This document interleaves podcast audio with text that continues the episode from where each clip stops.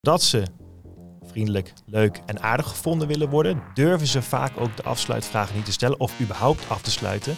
Waarom? Omdat het risico bestaat dat je gewoon de deksel op je neus krijgt. Sales, groei, leads, deals, closen.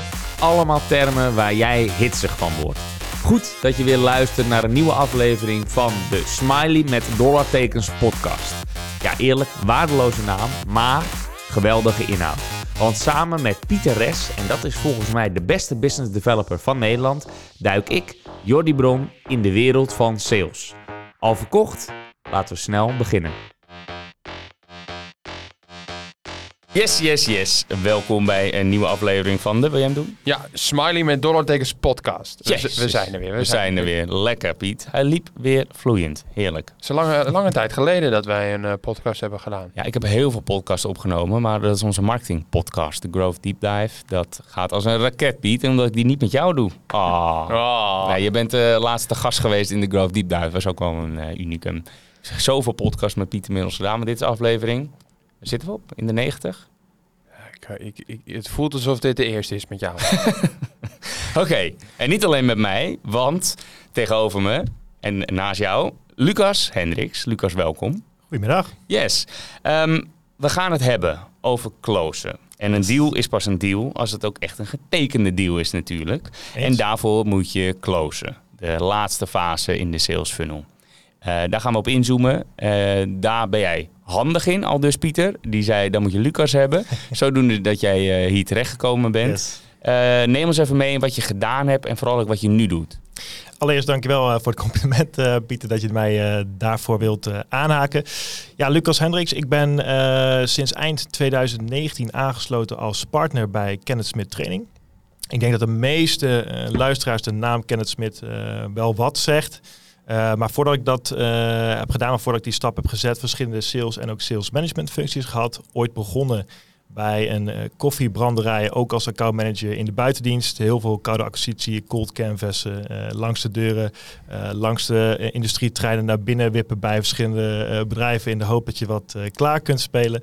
Eh, later nog een stap gemaakt naar het tempo team als sales incident. Dus daar een, een, een verdeling recruitment, maar ook sales uiteraard. Ja. Ehm, aansluitend bij Social Deal, ook een eh, wel bekende naam denk ik voor de meeste luisteraars. Ja. Eh, ooit begonnen als accountmanager voor de Achterhoek en later regiomanager van het oosten van het land. Ja, En eind 2019 aangesloten als ja, partner bij Kenneth Smit. ja. En eh, nog heel even terug voor we naar Kenneth Smit gaan. Ja. Je hebt altijd salesrollen vervuld, toch? Klopt inderdaad, ja. En hoe kijk je daarop terug? Was dat altijd ehm, even nuttig voor wat je nu doet? Of was het ook wel eens gewoon tijd voor geld? Eh, ja, ik weet niet of geld dan altijd de belangrijkste drijfveer eh, voor mij is geweest. Ik denk dat sales altijd wel een passie was. Ik kan me ook nog herinneren dat ik, voordat ik echt het, ja, de, in de B2B-wereld terecht kwam, eh, als verkoper werkte bij McGregor, een kledingwinkel. Denk Ja. ik ook wel een bekende naam voor, Ja. eh, voor de meeste mensen. En ik zie mezelf nog al als een relatief kleine jongeman staan in de winkel. Dat ik daar al eh, gefascineerd was door de simpele manier van vraagstelling, eh, hoe dat al werkt, eh, hoe je met bepaalde psychologische trucjes eh, een klant al eigenlijk over een streep kon trekken om meer te gaan kopen of überhaupt bij mij te gaan kopen. Ja. Zijn we niet Ehm, gegaan nu, toch? Uiteindelijk, ja, Ja, ik, ja, ja. denk het inderdaad. Ik denk het inderdaad. Dus, ik kon Lucas niet missen natuurlijk. ja, nee, dat, is, dat was wel. dus altijd wel in de sales gezeten. Ik denk dat sales ook wel mijn grootste hobby is, grootste passie. En dat zeg ik ook altijd gekscherend in mijn training, dat mijn werk mijn grootste hobby is. Ik ben er eh, zeven dagen in de week mee bezig, 365 dagen in het jaar, van 's ochtends vroeg tot 's avonds laat. En, eh, Ja, onder andere met Pieter ben ik daar met enige regelmaat eh, over. wauw. Oké, ja, ik hoorde jullie eh, vanmiddag eventjes bellen. Alsof jullie de allergrootste vrienden waren. Nou, kan Piet dat ook heel goed faken, maar ik denk dat het wel waar was. Want het was inderdaad net alsof jullie gewoon al vanuit de crash elkaar eh, kennen. Bijna wel, hè? Ja, bijna wel. Nee, maar wij, wij Ja. hoe kennen we? Wij kennen elkaar via, via LinkedIn. En Ja. Ja. Lucas wordt nu ook wat actiever. En zo zijn we eigenlijk een beetje met elkaar gaan sparren. En eh, toen, hadden, toen op een gegeven moment kregen we het ook met elkaar over het, dus het, het sluiten van deals. Ja. En eh, daar kwam eigenlijk al heel erg naar voren. Ja, zodra je een koopsignaal krijgt van een klant, waarom zou je dan niet gelijk afsluiten? En waarom zou je dan nog het hele sales traject doen zoals jij dat voor ogen hebt? Ja. En dat is natuurlijk ook bij Red Pen Works. We hebben verschillende sales fases eigenlijk eh, die, we, die, we, die wij doorlopen. Mhm. Eén is bellen, Twee is een online presentatie. Drie is de strategie-sessie. Eigenlijk de deep dive. En na de deep dive moeten we de deal closen. Juist. Maar wij voelen eigenlijk ook wel heel goed aan bij een klant van... hey, hebben ze nog een online presentatie nodig? En soms is dat niet zo. Zoals bijvoorbeeld uh, vanochtend kwam er een partij langs. Ja, die had geen online presentatie gehad. Nee. Omdat ik ook wist, hey, er is een hele duidelijke, concrete behoefte. Ja. Dus laten we dan ook gelijk concreet worden. Ja, enige Eh, vrijheid is ja. er eh, inderdaad. Ja. Daar wil ik zo nog even dieper op ingaan. Maar om even je, loopbaan eh, af te maken tot waar je nu staat. 2019, eind 2019 zijn je partner geworden. Ja, klopt. Hoe, hoe ging dat? Want je wordt toch niet meteen partner? Of kwam Nou, je binnen als partner? Nou, ik heb mij, ik werd getraind bij mijn vorige werkgever voordat ik me aansloot bij Kenneth Smit, werd ik getraind door Kenneth Smit. Dat was eigenlijk voor mij de eerste, nou ja, kennismaking met de organisatie Kenneth Smit. Dat ik dacht van, wauw, als ik dit toch allemaal tot eh, in perfectie beheers, dan kan mij dat ver brengen. Nou, Mhm. laat dat dan ook eh, toevallig een persoonlijke drijfveer zijn. Dus dat was al de eerste kennismaking met de methodiek van Kenneth Smit. Op een gegeven moment ben ik op, een- op een wereldreis gegaan en zat ik aan de andere kant van de wereld. En kwam ik een workshop eh, op Facebook weliswaar tegen waarop stond van wil je partner worden bij Kenneth Smit? Dus wil je aansluiten of inkopen in de organisatie. Eh, dus ik dacht, nou weet je wat, zo'n workshop, mocht ik terug zijn in Nederland, dan wil ik daar best wel naartoe gaan. Ja. En mocht het niet zo zijn, dan, ja, dan eh, zie ik het wel weer. Ik was terug in Nederland, eh, eerste workshop daar gevolgd, de ins en outs leren kennen van het ondernemerschap, het franchisegeverschap, zoals je het zou kunnen Ja. omschrijven. Dus als partner van.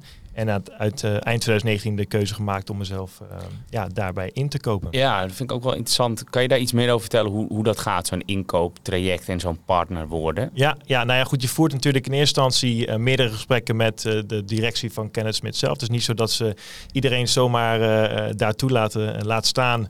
Ja, ik was destijds net 25, dus ik was echt wel een broekie. Tegen alle regels in, ja, word je in één keer dan binnen zo'n club gehaald. Maar goed, je voert eerder, eerst meerdere gesprekken. Dan moet je een uitgebreid businessplan schrijven. Dus onderbouwen van goh, hoe zie je dat dan voor je om je business onder de vlag van Kenneth Smith op te gaan, eh, op te gaan bouwen. Ehm, je voert veel, verschillende assessments uit. Dus ze gaan je echt wel eh, in kaart brengen van ben je uit het juiste hout gesneden om eh, dit Ja. te gaan doen. En dat is natuurlijk inhoudelijk. Kan je Ja. een goede training geven? Onder andere het ondernemerschap. Ik zeggen, ja, ja, je hebt eigenlijk eh, drie petten, zeg ik altijd. Enerzijds de pet van het ondernemerschap. Dus je moet ondernemen onder de vlag van. Eh, je hebt de pet van verkoper. Uiteindelijk moet je van niets moet je iets gaan maken. Dus je bouwt echt wel je eigen business op. Mhm. En uiteindelijk trainer. En daar zit ook de continuïteit uiteindelijk van je eigen business. Want als jij, ja. ja, je bent je eigen eindproduct. Bedoel, Als jij goede trainingen verzorgt, dan zit daar per definitie natuurlijk een bepaalde continuïteit in binnen, eh, binnen je klant als je dat goed doet. Ja, en dat zelf sales doen. Ja. Nou, nogmaals komen we zo even op, op terug. Maar je triggerde me met van niets iets. Ja. Er staat natuurlijk wel al iets. Hè? Je mag de naam gebruiken. Dat is het Zeker. voordeel van de franchise, toch? Ja, ja, ja, dat is zeker een groot, eh, groot voordeel. Waarbij ik ook wel zeg, kijk, je, je hebt natuurlijk geen klantopstand. Het is niet alsof je in loondienst bent, dat je elke maand nou ja, toch wel je salaris krijgt. Mhm. Eh, er zit natuurlijk ook een financiële eh, nou, verplichting. Misschien een groot woord, maar goed, je hebt toch wel bepaalde targets waar je rekening mee moet houden. eh, en waar je ook een, een afdracht in zou moeten doen richting Kenneth Smith. Dus dat is ook heel normaal, dat is het model. Daar teken je op voorhand natuurlijk voor, dus je weet waar je instapt. Ja. Eh, maar ja, je hebt uiteindelijk, als het puntje bij paaltje komt, heb je niets. Eh, en dan moet je wel weer de, de vuile meters gaan maken, veel acquireren. En ja, voor mij was het oldschool, eh de telefoon oppakken en eh, gewoon lekker gaan bellen. Ja. En eh aanleiding Had je dan al veel contacten? Of Nee, waar niks, begon je dan met bellen? Ehm, nou ja, ik heb in eerste instantie van alles eh, geprobeerd. Van klein MKB tot echt de grote corporates. Maar gewoon eens kijken wat, eh, wat werkt, waar eh, men op aanslaat. Ja. En in eerste instantie waren het toch wel vaak de relatief kleinere MKB tot 50 werknemers. Waarbij je de afspraak in eerste instantie kreeg. Mhm. En ook de eerste trainingen ging, eh, ja, ging verkopen en ook ging draaien. Ja, en wat was de inhoud van die trainingen? Wat, wat, wat geef je voor trainingen? Eh, communicatie en sales, maar eh, ik specialiseer me wel echt op, op het salesvlak. En uiteindelijk is sales natuurlijk ook gewoon communicatie. Zo simpel zou je het wel plat kunnen Ja. slaan. Ehm, Mooi hè? Ja, Piet. Klopt toch? Ja, communicatie. Ja, communicatie is alles. Eh, dus je zou kunnen stellen dat sales uiteindelijk eh, dan alles is. Eh, maar ik richt me echt op het commerciële proces. En dan daarmee bedoel ik eh, eigenlijk het moment dat jij aan tafel komt bij een prospect of bij eh, een klant, tot aan uiteindelijk het van het deal en natuurlijk een stuk after sales. Maar alles wat daartussen valt, ja, dat is mijn expertise en daar focus me ik ook op. Dus in de training. En daar heb ik natuurlijk een, een rode draad uiteraard in gevonden. Mhm. Eh, en daar hang ik eigenlijk alles aan op. En wat, wat is die rode draad dan? Nou, ik, ik, ik geloof dat aan de basis van commercieel succes eh, maar twee pijlers staan. En dat is enerzijds de toegevoegde waarde die je hebt voor je klanten, voor je prospect uiteindelijk. Maar de belangrijkste is uiteindelijk de relatie. En eh, de, de kern is dat je een relatie, rapport weet op te bouwen met je gesprekspartner. Daarmee Ja. vertrouwen weet te creëren. En de gunning krijgt om überhaupt ook zaken met jou eh, te willen doen. Waarbij je uiteraard ook de toegevoegde waarde moet hebben voor eh, de klant zelf. Uiteindelijk hebben zij een probleem, een uitdaging of een bepaalde wens of ambitie. En daar kan jouw dienstverlening of product uiteindelijk aan bijdragen om dat te verwezenlijken. Ja. Eh, en als je aan die twee ja, voorwaarden doet, ehm, ja, dan kom je tot zaken. En dat is eigenlijk het rode draad in, in het commerciële proces voor mij en dus ook in de trainingen, dat Ja. ik daar alles aan ophang. Juist. Stelling. Ja, 10 minuten Voordat we hem onderweg. vergeten. Ja, dat is classic. Eh wil je hem voorlezen, Piet? Jouw Ik ga- je eigen ik- stelling. Ik, ik ga hem eh, voorleggen. Yes. Moet ik even goed lezen hoor. Stelling. Sales professionals willen te snel closen. Eens of oneens? Oneens. Kijk, dit is mooi. Want jij denkt eens, Piet. Ja, want ik ben het daar wel mee eens. Jij denkt dat sales professionals te snel willen closen? Ja, omdat ik als, altijd als ik benaderd word, dan gaan ze direct op, op de afspraken af. Of, of, en, en dus niet op... Ja, maar afspraak, ja, Ja. ja, maar even nou kijk, ehm, ik train natuurlijk eh, eh, ja, elk jaar honderden eh, sales professionals. En eh, wat mij daarin opvalt, uitzonderingen daar gelaten, is ja, oké, eh, tuurlijk, ze willen tot zaken komen.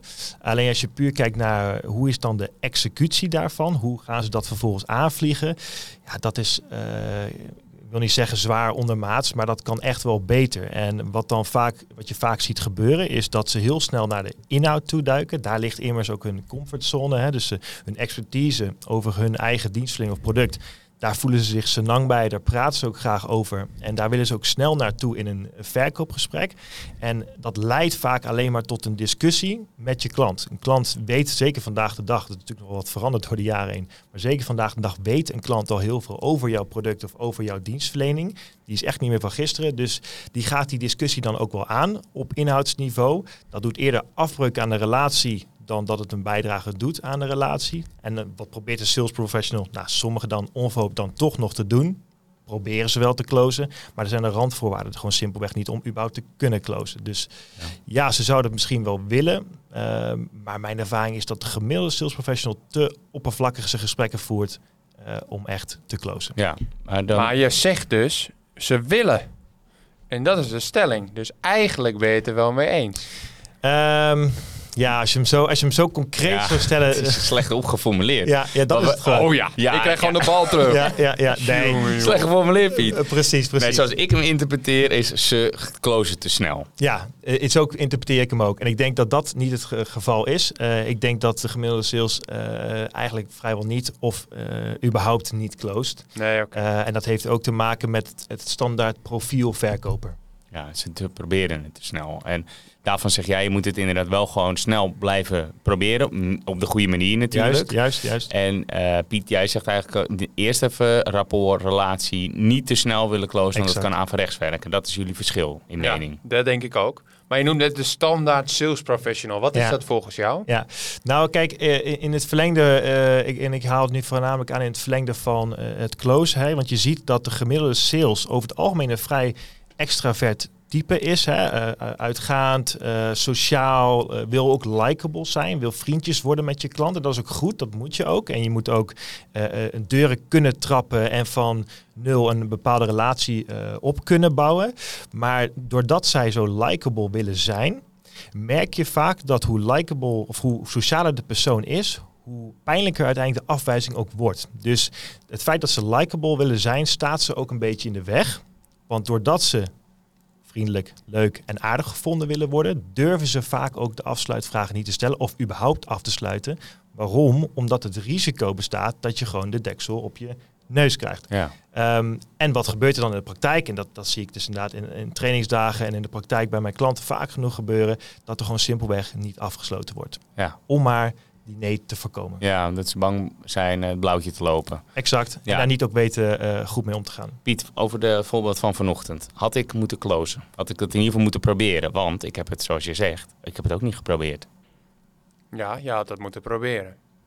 Ben ik het dus niet mee eens. Nee, want kijk, ik weet hoe Jordi erover denkt. Nou, vertel, hoe denk ik Kijk, erover? Eén, we zitten vol. We hebben al genoeg Ja. klanten. Eh, het is nu niet nodig. En als mensen willen kopen, dan kopen ze wel. Twee is, ja, weet je, als ze echt willen, ja, hoor ik Jordi, Jordi al denken, ja, dan komen ze ook vanzelf wel. En ik wil niet te pusherig zijn. We hadden een goed gesprek, dus het is allemaal gewoon goed. Ja, je brengt het wel heel soft nu. Eh, er zit overigens wel eh, een kern van waarheid in hoe ik erin sta. Ik laat me een beetje toelichten.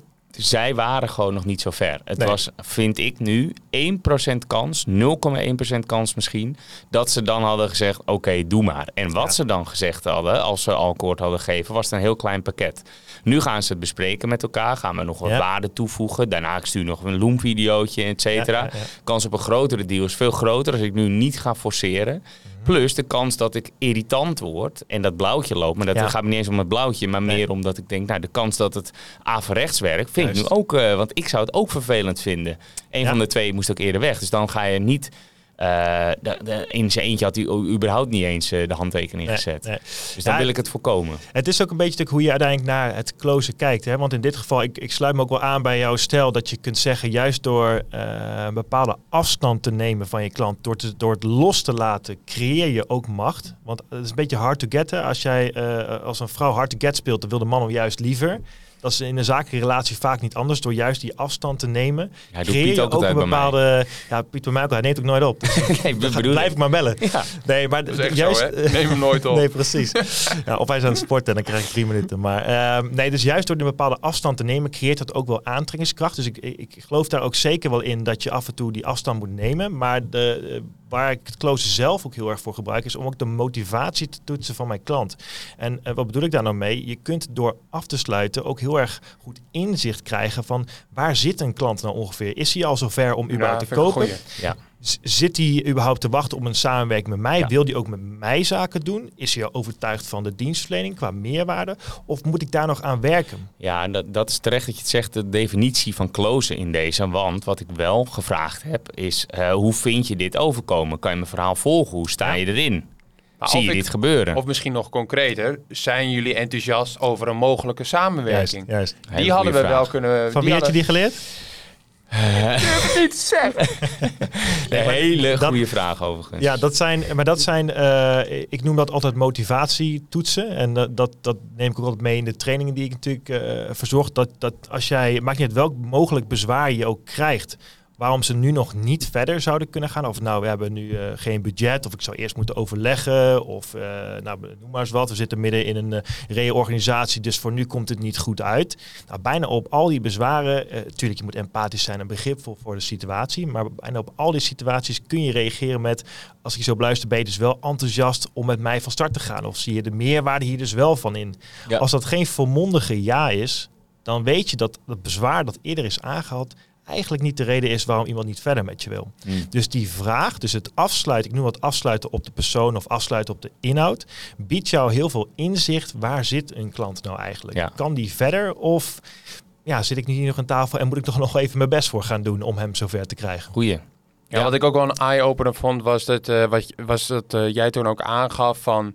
Pieter, hoe jij dat nu hebt gedaan, dat is slecht. Want jij liet nu juist in dit geval iemand nadenken over het negatieve. Ja. En je wilt mensen juist laten nadenken over het positieve. En om dat even dan Ja. plat te slaan. Stel dat, ja, stel dat jij ook vanochtend zei, hè, van kun je het volgen? Het eerste wat dan in mij ook zou opkomen is van, nou, ik zou nu, ik zou nu kunnen zeggen, nee, ik, eh, ik kan het niet volgen om deze reden.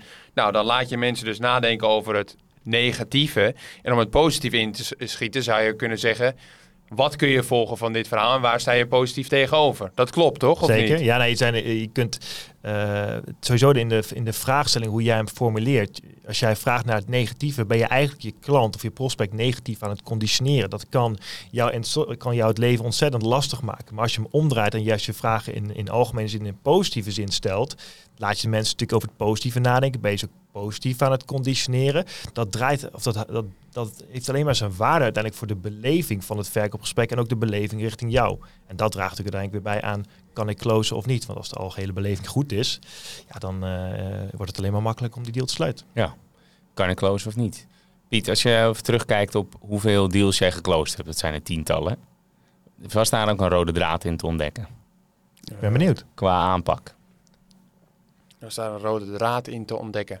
Nou, ik denk toch altijd wel adviserend verkopen. Echt naast de klant staan en meedenken hoe wij denken dat wij die specifieke partij kunnen helpen. Mhm. En dat als we even inzoomen op het closen, heb je altijd een vaste vraag dan? Deze heb je pas onlangs geleerd van Lucas. Eh, heb je dan altijd een vaste vraag tijdens het closen? Mooi dat je altijd even de vraag herhaalt. Ja, Ja, dat ik. even, even hard op. eh, Ja, dat is Doe goed. je dat ook met bezwaren dan? Dat je dan even Nee, natuurlijk niet. Dat geeft je ook Ik bedenktijd. vind het te duur. dat, eh, dat wijf ik altijd weg. Oké. Ook een tactiek. Ja, wa- wanneer kunnen we starten? Ja, hartstikke mooi. ja. Hier tekenen. Ja, wanneer kunnen we starten? En, en, en als, kijk, wat ik, ik begon nooit het gesprek of zei dan, oh, maar de overeenkomst is nog niet eh, ondertekend. Want dat zien wij ook bij onze business, bij Red Panda. Als, er, als, de, als de partij tegen ons zegt, we zijn er klaar voor, we willen dit doen. 9 van de 10 keer is die deal nog niet getekend. Nee. En dat ik dan niet doe, is gelijk aangeven: hé, hey, maar wacht, de overeenkomst is nog niet getekend. Nee, dan geef, ik aan: oké, wat positief. Wanneer kunnen we de intake inplannen? Zodat het ook weer iets in de agenda staat, zodat die intake eraan komt. Ja, En super. dat in aanloop naar die intake uiteindelijk ook de overeenkomst ondertekend is. En die intake, ja, die vindt dan niet plaats als de onder, eh, overeenkomst niet eh, ondertekend is. En pas bloemen bij de finish, hè. Dus ik weet ook Ja. heel goed dat het wij feestjes ook naartoe. Ja. wij, wij hebben feestjes gevierd omdat de deals waren geclosed. Mondeling, maar Juist. niet schriftelijk ondertekend. En daar zijn we nog wel eens gaan bloeden. Er was er opeens een crisis of een corona of Ja, een CFO ja, die wegging. En eh werd toch uitgesteld. En van uitstel kwam dan afstel. Eh, inderdaad, hebben we een paar keer gehad van nou, de, de 100 plus deals die we eh, getekend hebben. Is hij een paar keer dus uiteindelijk niet getekend. Terwijl we wel weer weggingen met een high five daar. Ja, ja, ja, ja. Hoe ga je daarmee om, Lucas? Wat is de oplossing daar? Nou ja, kijk, ook, daar ben ik het 100% mee eens. Een deal is pas een deal als je een eh, getekende opdrachtovereenkomst eh, hebt. Of sterker nog, als de money in the bank is. Zo eh, Ja, zou je hem nog wel beter kunnen, kunnen stellen. Want uiteindelijk, ja, een getekende opdrachtovereenkomst. Als je dat uiteindelijk een juridisch verhaal zou moeten worden. Of je nou wel of niet betaald moet gaan worden. Dat wil je ook niet. Het is afbreuk aan een relatie. En dat is ook niet, ja, misschien wordt er uiteindelijk nog steeds niet betaald. Dus een deal is voor mij pas als, het, als de rekening of de factuur betaald is. Ehm, ik vind het een mooie die Pieter daarin aanhaalt. En dat zou ook mijn advies daarin zijn. eh, dat je uiteindelijk doorgaat naar de praktische zaken van het hele verhaal. Dus wanneer kunnen wij een intake plannen? Is eigenlijk een vraag die normaal gesproken... Dat is ook wel een leuke tip, kom ik zo even op. Maar dat is normaal gesproken een vraag die je pas na de beslissing van het aankoopmoment eh, gaat, gaat vragen of gaat stellen. Mhm. Want je wil eerst een overeenkomst en dan ga je vragen... nou, wanneer kunnen wij die intake eigenlijk met elkaar plannen? Ja. Wat overigens wel leuk kan zijn, als je dit soort vragen juist voor het koopmoment gaat stellen. Dus voordat iemand besloten heeft om met jouw zaak te doen. Wat denk je dan dat er in het hoofd van die klant gaat gebeuren? Dan denken ze al dat je samenwerkt. Ja, ja, dat is het gewenste antwoord natuurlijk. Ja, Ja. dat is... Oké, laat ik het daar even behouden. Ja, maar ik ik heb ook een kritische noot. Ja, ja, ja, ja. ik ben ook een beetje kritisch. Heel goed, ik- heel goed. Laat ik die me dan meteen maar opgooien. Ja. Want het kan ook een beetje... Kijk, bij een goede sales professional... En daar schaar ik mezelf dan eventjes onder voor. Ja. Als je het bij mij zou doen, dan zou ik zeggen... Ja, dag, daar trap ik niet in. Wat zou jij zeggen dan? Dan ben ik, even als een rela- reactie van je kla- als klant zijnde. Nou, ik zou denk je terugfluiten van... Laten we eerst maar eens even kijken of we überhaupt gaan samenwerken. Ja. Dat denk ik dat ik nu zeg. Hè? Of Ja. je moet het zo goed inkleden dat je dat het nee, niet door dat, dat is heel, maar dat is een mooi punt wat je zegt. Want eh, juist door weerstand te creëren, en als je het hebt over eh, bezwa- goed omgaan met bezwaren en closen gaat hand in hand in mijn beleving. En sterker nog, ik roep bewust weerstand op in mijn verkoopgesprekken om sneller te kunnen closen. Jij geeft een voorbeeld aan dat je zegt, nou nou, zover ben ik nog niet. Laat mij eerst maar eens even zien wat je allemaal kan. Of eh moeten we eerst wat een overeenkomst komen. Dat is een heel concreet punt waar je mee komt. Waar jij eerst overheen moet, als ware als horde. Voordat je überhaupt een handtekening, handtekening gaat zetten of na gaat denken over wanneer gaan we die intake doen. Dan zou een reactie van mij kunnen zijn, oké, dus goed begrijp, moet nog wat een en ander gebeuren voordat wij zover zijn. Klopt dat? Ja, maar ja, je, ja, dat klopt. Ik, gaf alsnog stiekem het gewenste antwoord voor jou. Dus, Ja, dus dan je zeg je- kon nu. Ja, dus dan ga je daarin mee. Dus de klant gaat er ook altijd in mee. Oké, dan, dan zou mijn volgende vraag zijn. Nou, dat is maar goed dat ik hier zit dan, Jordi. Want eh, ja, ik wil denk ik zo goed mogelijk eh, kunnen helpen. Dan moet je mij eh, nu ook eventjes gaan helpen. Wat zijn dan de concrete punten waar wij het samen over moeten hebben... om jou ook zover te krijgen? Dat we een samenwerking met elkaar op kunnen starten. En wat gaat er nou in jouw hoofd gebeuren? Nu ga jij nadenken over de concrete punten... waar we het samen over moeten hebben... om überhaupt die deal te kunnen closen. Hm. Dat zeg jij niet, maar dat is wel waar, je- waar ik jou naartoe stuur. Dus dat is ook leuk dat als jij in het begin van je verkoopgesprek, en daarom zeg ik ook altijd close is niet alleen in die laatste fase van je gesprek. Close kan ook al na uh, 10 minuten zijn. Dat je Ja. vraagt van goh, wanneer kunnen we onze samenwerking eigenlijk starten? Wanneer zou je die, die training op de agenda willen staan? Ja. Of hebben staan? Op zoek gaan naar weerstand. Juist. En juist dan vervolgens goed met die weerstand omgaan, ja, dat, dat maakt je verkoopgesprekken zoveel effectiever en efficiënter. Waarbij ik wel zeg, re- relatie moet altijd prevaleren. Dat moet altijd eh, uitgangspunt één zijn. Dus afsluiten zonder afbreuk te doen aan de relatie. En Ja. hoe doe je dat? Ja, empathie maakt natuurlijk een hele hoop goed. Dat is echt het bindmiddel tussen twee mensen. Dus als jij het met de juiste woorden empathisch kunt brengen, met de juiste intonatie, er daar, waar ook een verborgen boodschap uiteindelijk in zit, dan wordt het ook geaccepteerd door je klant. Ja. En dan kun je heel scherp op inhoud zijn, maar toch heel zacht voor de mens. Heb je hem, Piet? Ik heb hem. Ik zat ook wel te denken van, eh, heb je, hou je dan ook rekening met bijvoorbeeld diskprofielen? Hoe, je, hoe, Zeker. hoe, hoe iemand is qua, Ja. qua kleur? Ja, zeker. Ja. Eh, Kun je dat dus dan specifieker maken? Want eh, je, je hebt hier Jordi Bron zitten. ja. Volgens mij is hij geel. Jij bent geel, toch? Nee, rood. Jij bent geel. Oké. Ik, zie- ik zal jullie beide scharen onder geel-rood of rood-geel. Oké.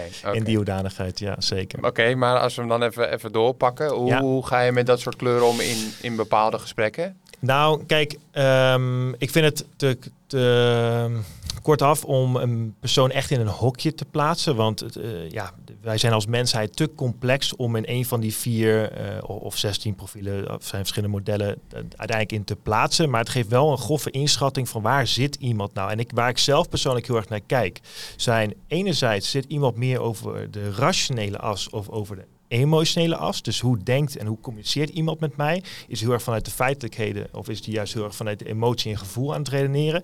En is iemand heel extravert of veel meer introvert? Daar kijk ik meer naar en daar pas ik mijn eigen energie op aan. Dus ik, ik, ik zie mezelf dan ook meer als een soort van chameleon. Een simpel voorbeeld, ik had laatst bij een eh, grote klant van mij, Fox eh, IT... Daar train ik eh, binnendienst, buitendienst en eh, ook de service delivery managers. Maar ik had daar ook nog een gesprek met de manager van eh, de consultants. En er was een hele rationele, introverte, of dat is, dat is hij nog steeds, een hele rationele, introverte man. Die, ehm, en dat, dat, dat staat haaks op mijn profiel, want ik ben geel-rood, dus dat zou daar haaks op staan. Dus, ehm, dus die beste man, die nam voor elk antwoord dat hij moest bedenken, nam hij wel 10, 15, niet overdreven, seconden de tijd om zijn antwoord wel overwogen te formuleren. En elke keer als hij na begon te denken, deed hij ook zijn ogen dicht. Ja. En, en, en, en zag ik hem gewoon denken, keek hij een beetje zo weg. Ehm, ja, dat zou een complete mismatch zijn met mijn energieniveau als ik vanuit mijn natuurlijk gedrag daar natuurlijk zou zitten. En waarom pas ik me dan aan op zijn stijl of op zijn energieniveau? Dus ik ga zelf ook rustig iets ingetogener zitten. Ik denk zelf ook langer na over mijn vragen. Ik stel specifiekere vragen, want ik weet dat hij daar eh, zelf ook de behoefte aan heeft. Mhm. Maar door dat te doen, creëer ik wel uiteindelijk een van de twee randvoorwaarden om überhaupt te kunnen closen.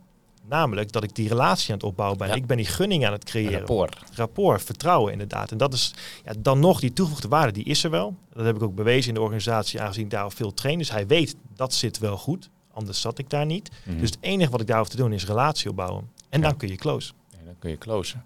Ja, die rapport die blijft natuurlijk ook weer terugkomen. Eh, Ja. En dat heeft dan in dit geval, in jouw voorbeeld, heeft het alles te maken met nou, een beetje spiegelen, meedoen eigenlijk. Andere, ja. Energielevel voelen en je daarop aanpassen. En zijn er nog andere trucjes, slimmigheden? Nou, kijk, aan de basis van rapportbouwen staat natuurlijk oprechte interesse in de vent. Of Ja. de vrouw, of ja, ik moet eigenlijk zeggen in de persoon. Ja, ja, Eh, ja. afhankelijk Kan van alles het zijn, kan inderdaad eh, van alles zijn. Eh, dus dat staat aan de basis van het opbouwen van rapport. En als je kijkt naar wat verbindt mensen nou uiteindelijk met elkaar. Want mensen doen zaken met mensen. Maar in het bijzonder ons Hey, soort mens.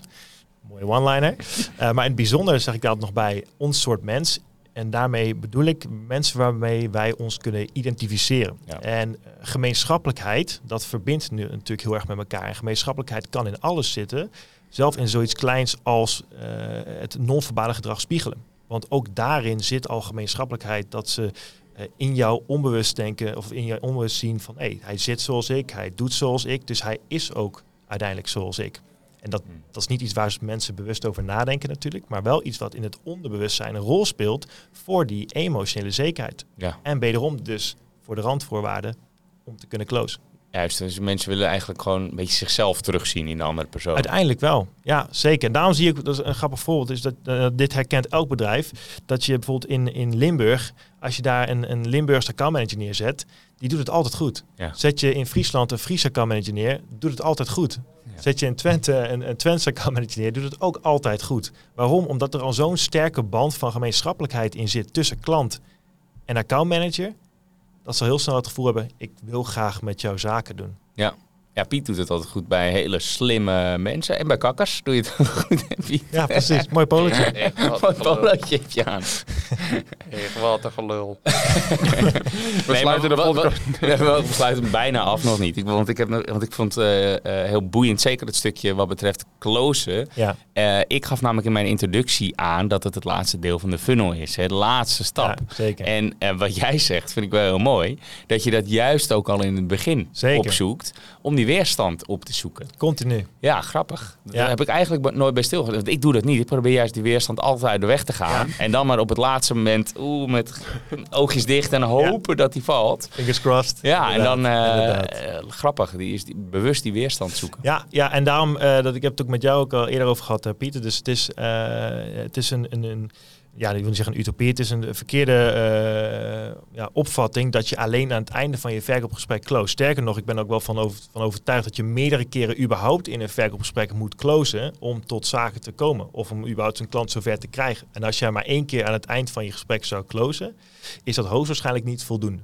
Hmm. Ehm, dus je zult wel eerder in het verkoopgesprek moeten closen om überhaupt inzicht te krijgen van goh, is zo'n klant überhaupt al toe aan een samenwerking of ik, moet ik nog werken aan enerzijds toegevoegde waarde creëren of anderzijds de relatie eh, of gunning richting mij. Hmm, ja, juist. Nu is het wel eh, tijd om een beetje te gaan afsluiten. Ehm, ja, het, het is, eh, soms zeg ik inderdaad, top, ik heb veel geleerd en dat is ook een beetje pleasen van. Ja. Ik heb hier echt wel weer wat uitgehaald. Fijn, Ja, jij niet Piet, want jij wist alles al. jij wist alles al. Nou, maar ik heb jou uitgenodigd omdat ik wel dacht... hé, hey, dit is een gast die wel een paar tips heeft gegeven... waar ik oprecht wat aan heb gehad. Nou, dat dus is fijn, nou, dat is nu samengevat in deze podcast.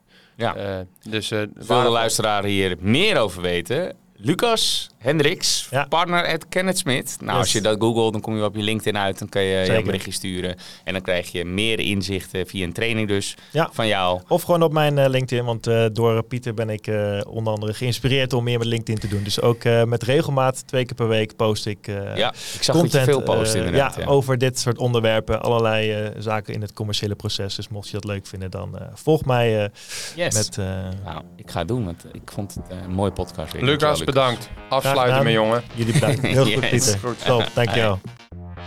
Jij wordt de beste business developer en ik hoop dat onze podcast daarna zal bijdragen. En dan wil ik gelijk een beroep op jou doen. Zou je me een plezier willen doen en een review willen achterlaten in je podcast app? Dat helpt ons beter te worden en zo zullen we nog meer mensen bereiken. Alvast bedankt en tot volgende week.